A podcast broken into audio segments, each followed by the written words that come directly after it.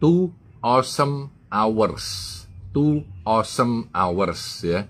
Hari ini saya review buku lagi ya. Sudah tiga hari berturut-turut ini hari yang ketiga ya.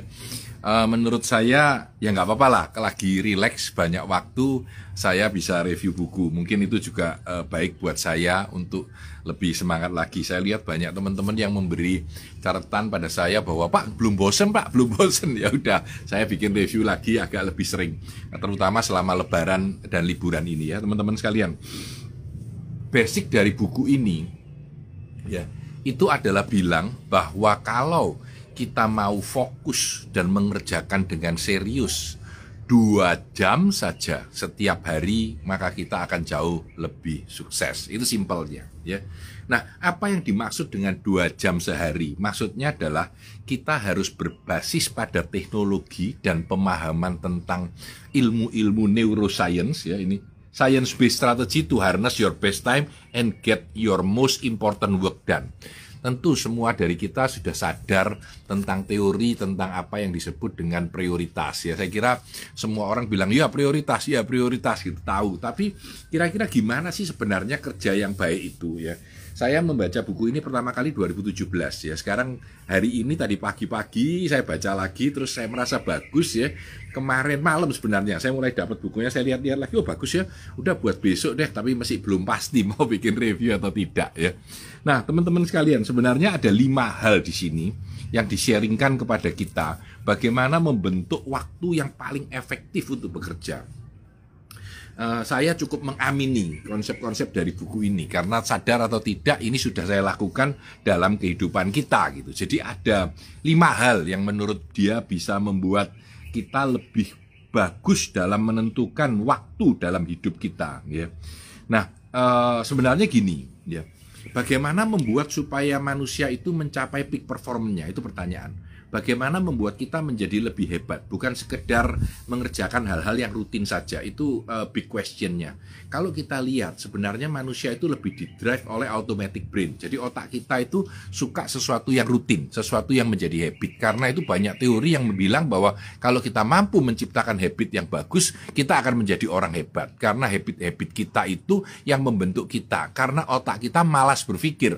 Maunya ya melakukan yang rutin saja. Tidak ada yang salah di situ tidak ada yang salah semuanya benar bahwa kita perlu menciptakan habit yang baik sehingga habit kita membentuk diri kita dari hari ke hari tanpa kita perlu berpikir. Cuma buku ini bilang kita sering-sering perlu berpikir gitu. Kenapa? Karena automatic habit kita itu sering-sering mem membutakan kita, bahasa saya mensombikan kita, sehingga kita menjadi rutinitas yang hidupnya ya cuma begitu saja. Bahkan sering kita berkata bahwa kita tidak punya cukup waktu untuk pekerjaan kita. Kebanyakan orang yang yang bekerja dengan sangat uh, sukses itu sibuknya luar biasa. Nah, sehingga kita perlu untuk kembali tidak masuk dalam apa yang disebut dengan efisiensi trap. Men me me menjejalkan begitu banyak hal pada satu elemen. Saya aja sering begitu ya. Nah, um, dia bilang bahwa two awesome hours, two awesome hours, dua jam yang luar biasa Ya kalau kita mampu menciptakan dua jam saja yang luar biasa buat kita bekerja, itu akan produktifnya luar biasa mengalahkan hari-hari lain yang tidak kita rencanakan dengan baik. Nah ini menarik. Kemarin kebetulan uh, siang jam 2, jam 3 saya nganggur, saya buka laptop dan saya backup komputer saya, data saya ya dan saya merasa dua jam itu pekerjaan saya efektif banget. Semua data lama sudah di backup, masuk ke dalam komputer baru nantinya. Ya hari ini mungkin saya akan masukkan komputer baru, menyiapkan saya lebih baik. Padahal ini sudah saya tunda seminggu gitu ya. Jadi teman-teman sekalian, kadang-kadang kita perlu untuk memikirkan bagaimana memaksimalkan dua jam terbaik kita setiap hari. Oke, saya masuk dalam lima strategi. Lima strategi ini bukan urut 1, 2, 3, 4, 5, tapi lima-limanya penting. Jadi lima-limanya mempunyai elemen yang kuat dalam kita membentuk waktu yang paling efektif untuk kita bekerja dengan baik. Yang pertama, recognize your decision point. Recognize your decision point. Jadi dia bilang bahwa setiap hari kita itu terlalu terbiasa dengan hal-hal yang mana kita menjadi conscious. Jadi ini artinya kita itu otomatis. Tadi saya sudah cerita, kita itu otomatis. Hai, selamat pagi. Yati, selamat pagi teman-teman sekalian ya. Uh, power of habit ya. Dia bilang bahwa bukannya salah ya. An influential theory in research circle is that we are cognitive miser in many ways. Everything being equal, we take we tend to take the path of least mental resistance. Kita ini manusia yang sangat medit di dalam memikirkan sesuatu ya. Sehingga kalau semuanya sama, kalau semuanya sama, maka kita akan lebih baik apa? Lebih baik kita itu tidak usah mikir aja ngambil yang paling gampang ya. Nah, ini ini ini ini ini uh, satu catatan yang menarik. Nah, sehingga buku ini bilang ya, kita itu harus intentional about how we use our time. Jadi kita itu harus punya intentional. Nah, kata intentional ini menarik menurut saya. Karena di dalam kehidupan sehari-hari kita, terutama komunikasi kalau kita online ya, itu harus intentional, harus bermaksud mau melakukan sesuatu. Jangan mengalir saja, jangan mengalir saja ya. Dia bilang bahwa being intentional about how we use our time ya, itu jarang kita pakai dan itu perlu ya. Sehingga kita perlu untuk memikirkan dengan diri kita, kita mau memulai decision itu dari mana? Decision kita memakai waktu itu bagaimana? Ya, dia bilang ada tiga trik. Yang pertama, savor its decision point. Jadi setiap kali anda mau mengambil keputusan, aku mau melakukan apa, itu mikir dulu, berhenti dulu, ngerem dulu hmm, ini penting enggak buat aku ya? Ini berguna enggak ya? Ini bagus enggak ya? Nah, kesadaran itu saja membuat decision kita jauh lebih baik. Ini yang pertama. Yang kedua, rencanakan di depan. Jadi kalau bisa, menurut buku ini, malam itu habiskan waktu 10 menit untuk mikirkan besok itu mau melakukan apa? Dan malam itu kamu punya intention mau melakukan apa di dalam diarymu. Sehingga begitu anda pagi anda langsung jalan deng deng deng deng karena decisionnya udah dibikin kemarin gitu. Tapi punya sebuah decision point di mana kita mengambil keputusan itu Lalu dia bilang, don't start a task without consciously deciding that it is the right one. Jangan memulai sebuah pekerjaan, meluncurkan waktu Anda 10 menit, 50 menit, 3 jam. Untuk sesuatu yang tidak kita rencanakan sama sekali, tahu-tahu Anda lakukan. Tapi punya sebuah kesadaran, sebuah mental decision ketika making point. ya Memakai decision point dengan dengan baik, dengan arif, itu adalah strategi dan tantangan yang luar biasa karena itu akan membutuhkan kita untuk fokus pada apa yang akan kita lakukan. Ini yang pertama, yang pertama. Jadi strategi satu dia bilang uh, apa namanya recognize your decision point ya. Strategi satu. Strategi dua ada lima ya. Strategi dua manage your mental energy, manage your mental energy, manage lah mental energy kita karena mental energy kita adalah sumber energi yang mengedrive ataupun yang menggagalkan kita. Nah, ini menarik ya. Jadi dia bilang bahwa uh, otak kita ya itu butuh mental energi. Kalau kita bikin terlalu banyak keputusan, ya ini harus apa, ini harus apa, ini harus apa, ini harus apa ya. Besok gini, wah kepala kita pusing gitu. Begitu kepala kita pusing, mental energi kita down, pekerjaan kita jelek. Tidak lagi awesome gitu ya. In short, decision making itu membuat mental fatigue. Jadi reduce lah decision making. Jadi dia bilang kalau kamu lagi kerja serius, jangan buka email kerjain 10 atau 20. Ini harus apa ya? Ini harus apa ya? Begitu kamu selesai dengan emailmu, energimu sudah habis dan kamu kerjanya tidak bisa bagus lagi. Email itu buanglah nanti jam 1 siang sampai jam 2 siang. Ketika Anda sudah mengerjakan hal-hal yang penting semua, sudah makan siang, ya udah putusin aja di saat itu. Itu akan jauh lebih bagus ya. Terima kasih bunganya bagus katanya. Ya, ini ruangan kerja saya yang mungkin pada awal pandemi teman-teman tahu di sini ada tanaman, ada bunga dan bawahnya masih belum selesai diperbaiki. Ini baru saja direnovasi selesai. Jadi bawahnya dibuat tackle setelah uh, tukang-tukangnya baru selesai beberapa hari ini. Jadi kembali ke atas ya. Oke. Jadi kita perlu melihat mental energi kita. Nah, dalam kata mental energi, salah satu yang kunci lagi adalah emotion. Ya. Emosi kita itu hati-hati. Kalau terjadi negatif emotion ketika kita marah, anger, sadness, sedih, anxiety, tegang, ya, maka kita akan melakukan sebuah waktu yang tidak efektif dalam bekerja. Ya, karena emosi kita tidak lagi kuat gitu. Tapi kalau kita lagi semangat, kita lagi fokus, kerjaan kita luar biasa. Jadi dalam tuh awesome hour, dua jam yang luar biasa, kita harus mengurangi mental fatigue kita, mengurangi making decision kita, tetapi lebih banyak mencari emosi-emosi yang positif. Nah, ada empat hal yang bisa membantu Anda untuk mental energi Anda supaya baik ya. Yang pertama, ya, kerjakan pekerjaan-pekerjaan yang sulit dulu ya. Kalau pekerjaan sudah sulit selesai, maka mental energi Anda akan lebih banyak tercurah untuk pekerjaan yang justru membutuhkan Anda waktu yang lebih baik. Yang kedua, ya. Pikirkan dalam pekerjaan Anda, mana yang important decision kreatif atau yang lain. Yang lain-lain yang tidak penting itu ya. Tackling uh, di tengah-tengah atau di belakang tidak apa-apa, tapi yang penting-penting itu Anda harus lihat apa yang saya butuhkan, creativity atau uh, ketajaman otak. Karena creativity butuh hal yang berbeda dibandingkan kalau kita mau mengerjakan sesuatu yang butuh ketajaman otak, ya. Terus dia bilang bahwa uh, ya ini tadi baca kok baca email itu sebaiknya siang aja jam 1 jam 2 setelah semua selesai. Nah, ini yang menarik ya. Making a few decision the night before you have a big day. Tadi saya sudah bilang sebenarnya ya. Itu akan very good ya. Kalau anda mau ngambil keputusan misalkan besok aku mau makan siang apa terus uh, aku mau ketemu siapa lebih baik aku mengerjakan apa dulu. Itu lebih baik malam sebelumnya. Kenapa? Karena kalau pagi kita memikirkan itu mengambil keputusan itu maka kita ada yang bilang setuju. Ya thank you. Yati thank you. Lois thank you teman-teman sekalian jadi dia bilang bahwa making few decision the night before you have a big day itu akan membuat harimu lebih baik ya. Terus uh, apa namanya large decision itu hati-hati karena itu akan membuat kita terlalu banyak berpikir dan itu akan mengcreate fatigue atau kelelahan dalam otak kita ketika kita fokus ya.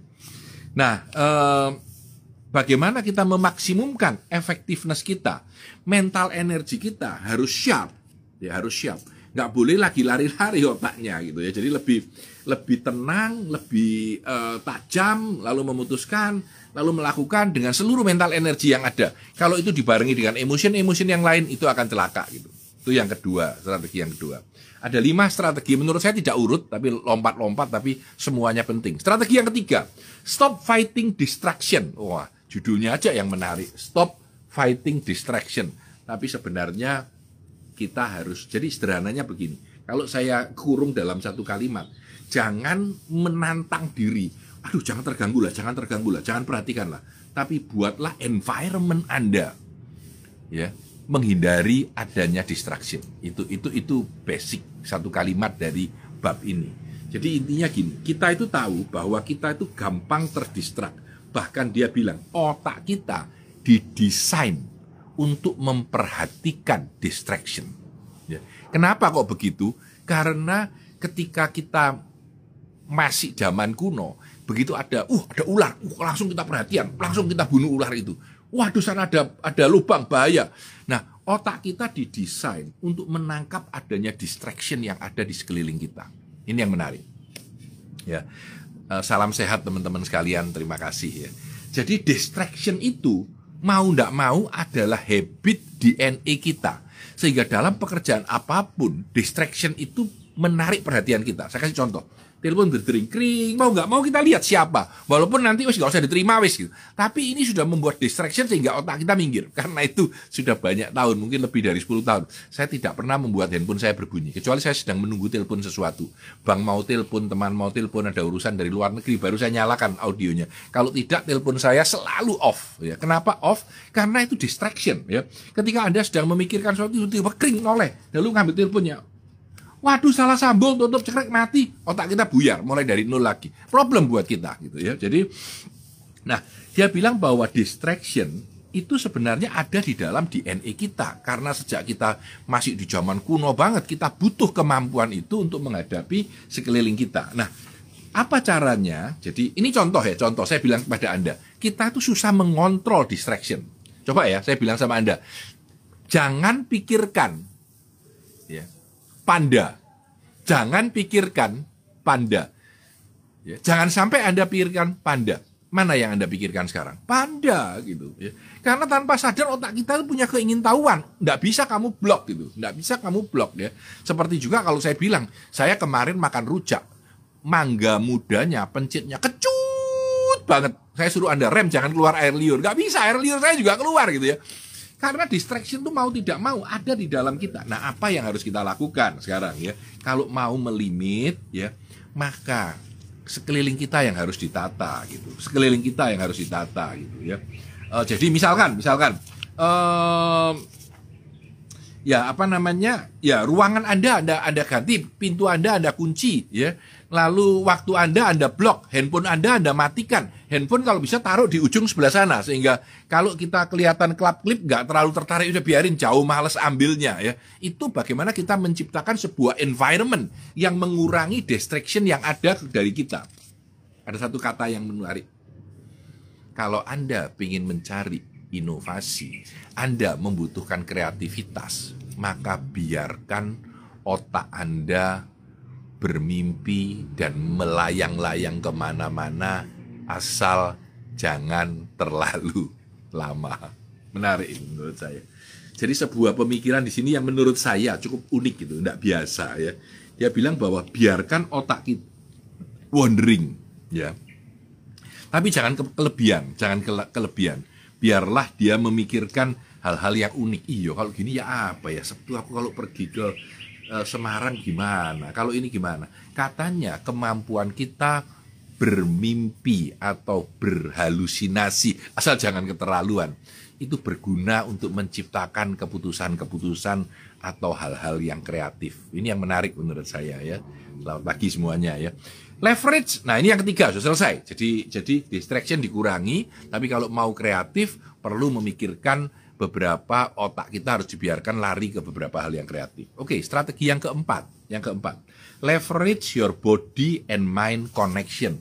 Leverage your body and mind connection. Maksudnya apa sih? Maksudnya kadang-kadang kita perlu menyambungkan antara perasaan, pikiran kita dan pekerjaan yang kita lakukan.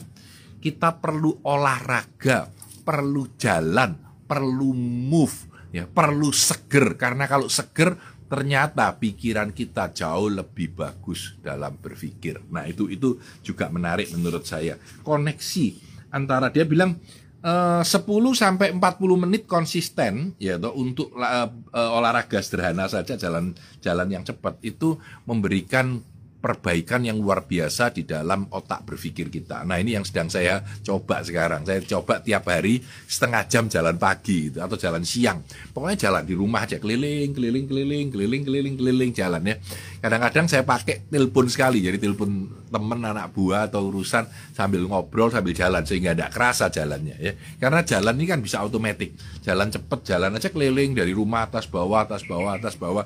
Nah saya mencoba itu ya, e, mencoba menjadikannya sebagai sebagai sebuah habit. Karena kalau sudah jadi habit itu akan jauh lebih mudah buat kita melakukannya karena nggak mikir lagi gitu ya. Riset apa pun bilang bahwa ternyata tubuh yang sehat itu membawa otak kita bisa bekerja dan berpikir dengan lebih baik. Kita perlu berlatih olahraga atau apa pun dengan baik. Ya, jadi ini ini juga Makanan, minuman itu juga penting. Dia bilang bahwa makanan dan minuman yang terlalu banyak karbohidrat, terlalu banyak gula, terlalu banyak apa, itu mengurangi produktivitas kita. Harus mempunyai balance makan itu karena makan, minum dan bergerak itu merupakan hal yang penting. Jadi di sini tulis tentang makan dan minum, drink apa yang penting? Air tentu. Air minum yang banyak ya, kita tahu. Dan kafein didiskusikan dengan menarik. Ternyata kafein itu sebuah hal yang mix blessing, kontroversial juga. Ya, ada yang menarik, ada yang tidak. Jadi ada yang baik buat anda, ada yang tidak. Ada kopi, ada teh, soda, energi drink, coklat dan lain-lain. Itu adalah mengandung kafein. Nah, kafein ini pertanyaannya baik atau tidak? Jawabannya klasik, tergantung, tergantung anda. Sederhananya begini, jumlah yang cukup kopi itu baik buat Anda. Kalau Anda sudah rutin minum kopi, maka manfaat kopi itu dengan sendirinya memperkuat pikiran Anda ya. Tapi kalau Anda tidak biasa minum kopi, maka itu tidak ada gunanya. Saya minum kopi cukup banyak, mungkin 2 sampai 3 gelas setiap hari rutin ya. Jadi artinya eh, kita harus menjaga setara dengan apa yang kita harapkan di dalam diri kita. Itu yang keempat. Yang kelima, make your workspace work for you. Buatlah supaya tempat kerja Anda itu tempat yang benar dan baik buat Anda. Biasanya saya ajak Miki, ini Miko, ini Miko ya. Ini Miko tiga bulan sekarang ya. Miko, hai Miko, Miko say hai. Miko, ini tiga bulan nakalnya luar biasa. Suka gigit-gigit kaki ya. Kaki itu cokotin sandal dicokotin ya. Baju dilompati ditarik ya. Jadi ini Miko. Miko lagi keluar jalan-jalan sama Risa. Jadi ini Miko lagi di sini ya. Cuma uh, ini cukup cukup galak anjingnya. Oke. Okay. tuh nah uh, kembali ke workplace. Workplace ini adalah ruang kerja ya. Tempat kerja itu jadi kunci dan penting ya menurut saya. Dan ini saya sangat amini dan sangat ikuti. Jadi begitu pandemi tiga tiga eh setahun sebulan lalu langsung ruangan depan saya ganti jadi ruang kerja ya. Jadi hai hai Miko say hi.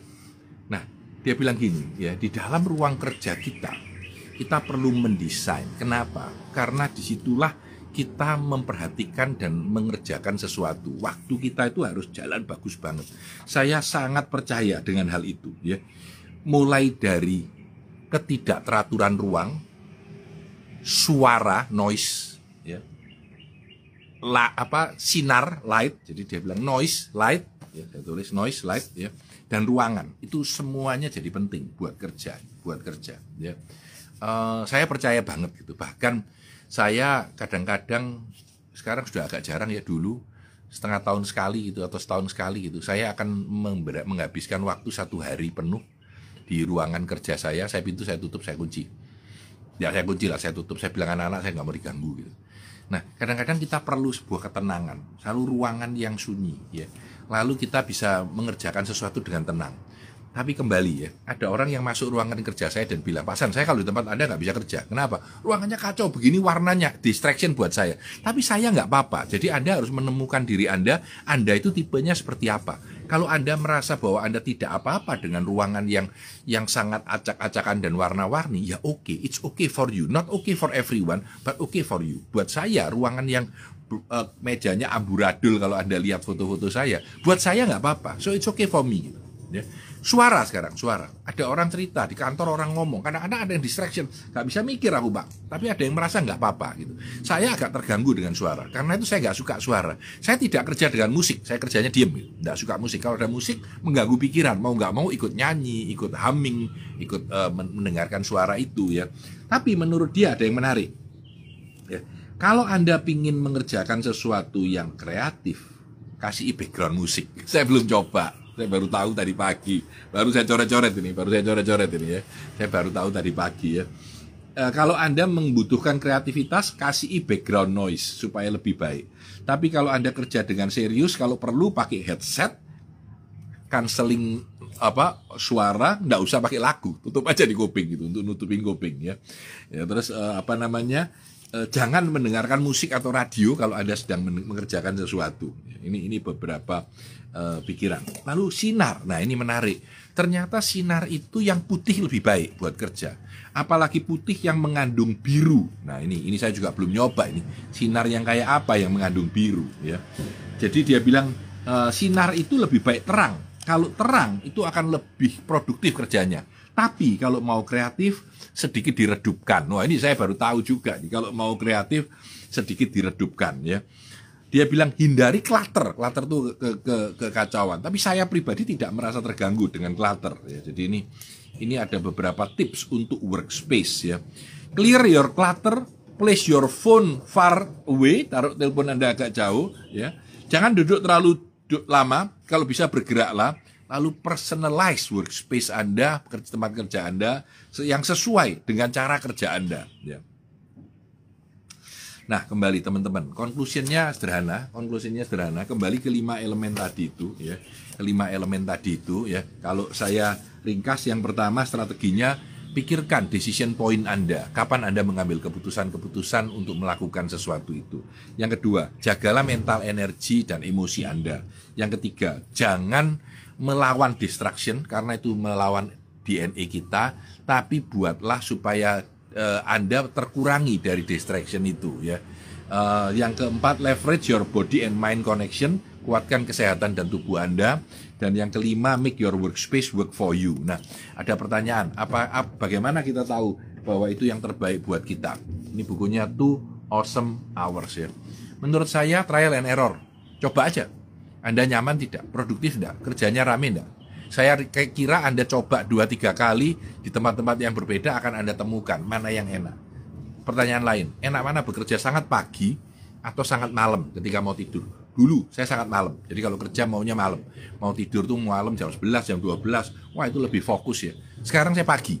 Begitu bangun jam 5, masuk ke ruangan, setel video, dengarkan, belajar, bawa buku, coret-coret. Nah, e, bisa beda. Mungkin karena usia juga ya. Tapi mungkin juga uh, saya tidak punya preference yang terlalu pas untuk pagi atau malam. Saya coba dua-dua. Kalau dua-duanya sama ya pakai aja dua-duanya. Saya selalu merasa bahwa cara paling gampang itu bereksperimen. Mencoba dulu apa yang cocok buat kita. Review buku aja. Saya dulu di awal di awal-awal suka review buku di sini. Jadi ini lantainya baru selesai, baru selesai. Saya review buku di sini di lantai dua, di lantai dua, ya di lantai dua. Dulu dulu ini masih amburadul ya saya suka di sini. Sesaat kemudian saya bosen di sini, nggak mau di sini, lalu pindah ke bawah, pindah ke ruang uh, training saya. Lalu uh, hari ini tiba-tiba saya mikir, wah udah liburan lama nggak apa bikin review outdoor. Ya udah, saya coba di atas lagi. Ternyata nyaman juga. Mungkin saya akan lebih sering di sini ya. Di bawah kena nyamuk. lalu, walaupun sudah diusahakan kanan kiri, tetap nyamuknya banyak. Ya, uh, teman-teman sekalian, manusia mampu beradaptasi dengan lingkungan dan keadaan apa pun. Ya, menurut saya itu yang penting. Dan yang lebih penting lagi, kalau kita punya strategi yang lebih baik, kita akan lebih mampu untuk eh, apa namanya menjadi lebih efektif dalam bekerja. Kalau Anda mau spend dua jam saja, dua jam saja, cobalah hari ini dan besok. Ya, cobalah. Iwan ini bilang saya suka tidur pakai dengerin konser musik slow rock katanya dipasangin ya ya tiap orang beda wan. Nah kalau anda lihat two awesome hours kalau anda mampu memanfaatkan dua jam aja waktu anda dengan sangat serius dengan sangat tajam saya yakin sukses anda akan jauh lebih mudah tercapai. Karena anda telah menggunakan otak anda dengan maksimal untuk mencapai hasil yang terbaik. Saya Tanah di Santoso happy holiday happy weekend sukses selalu untuk anda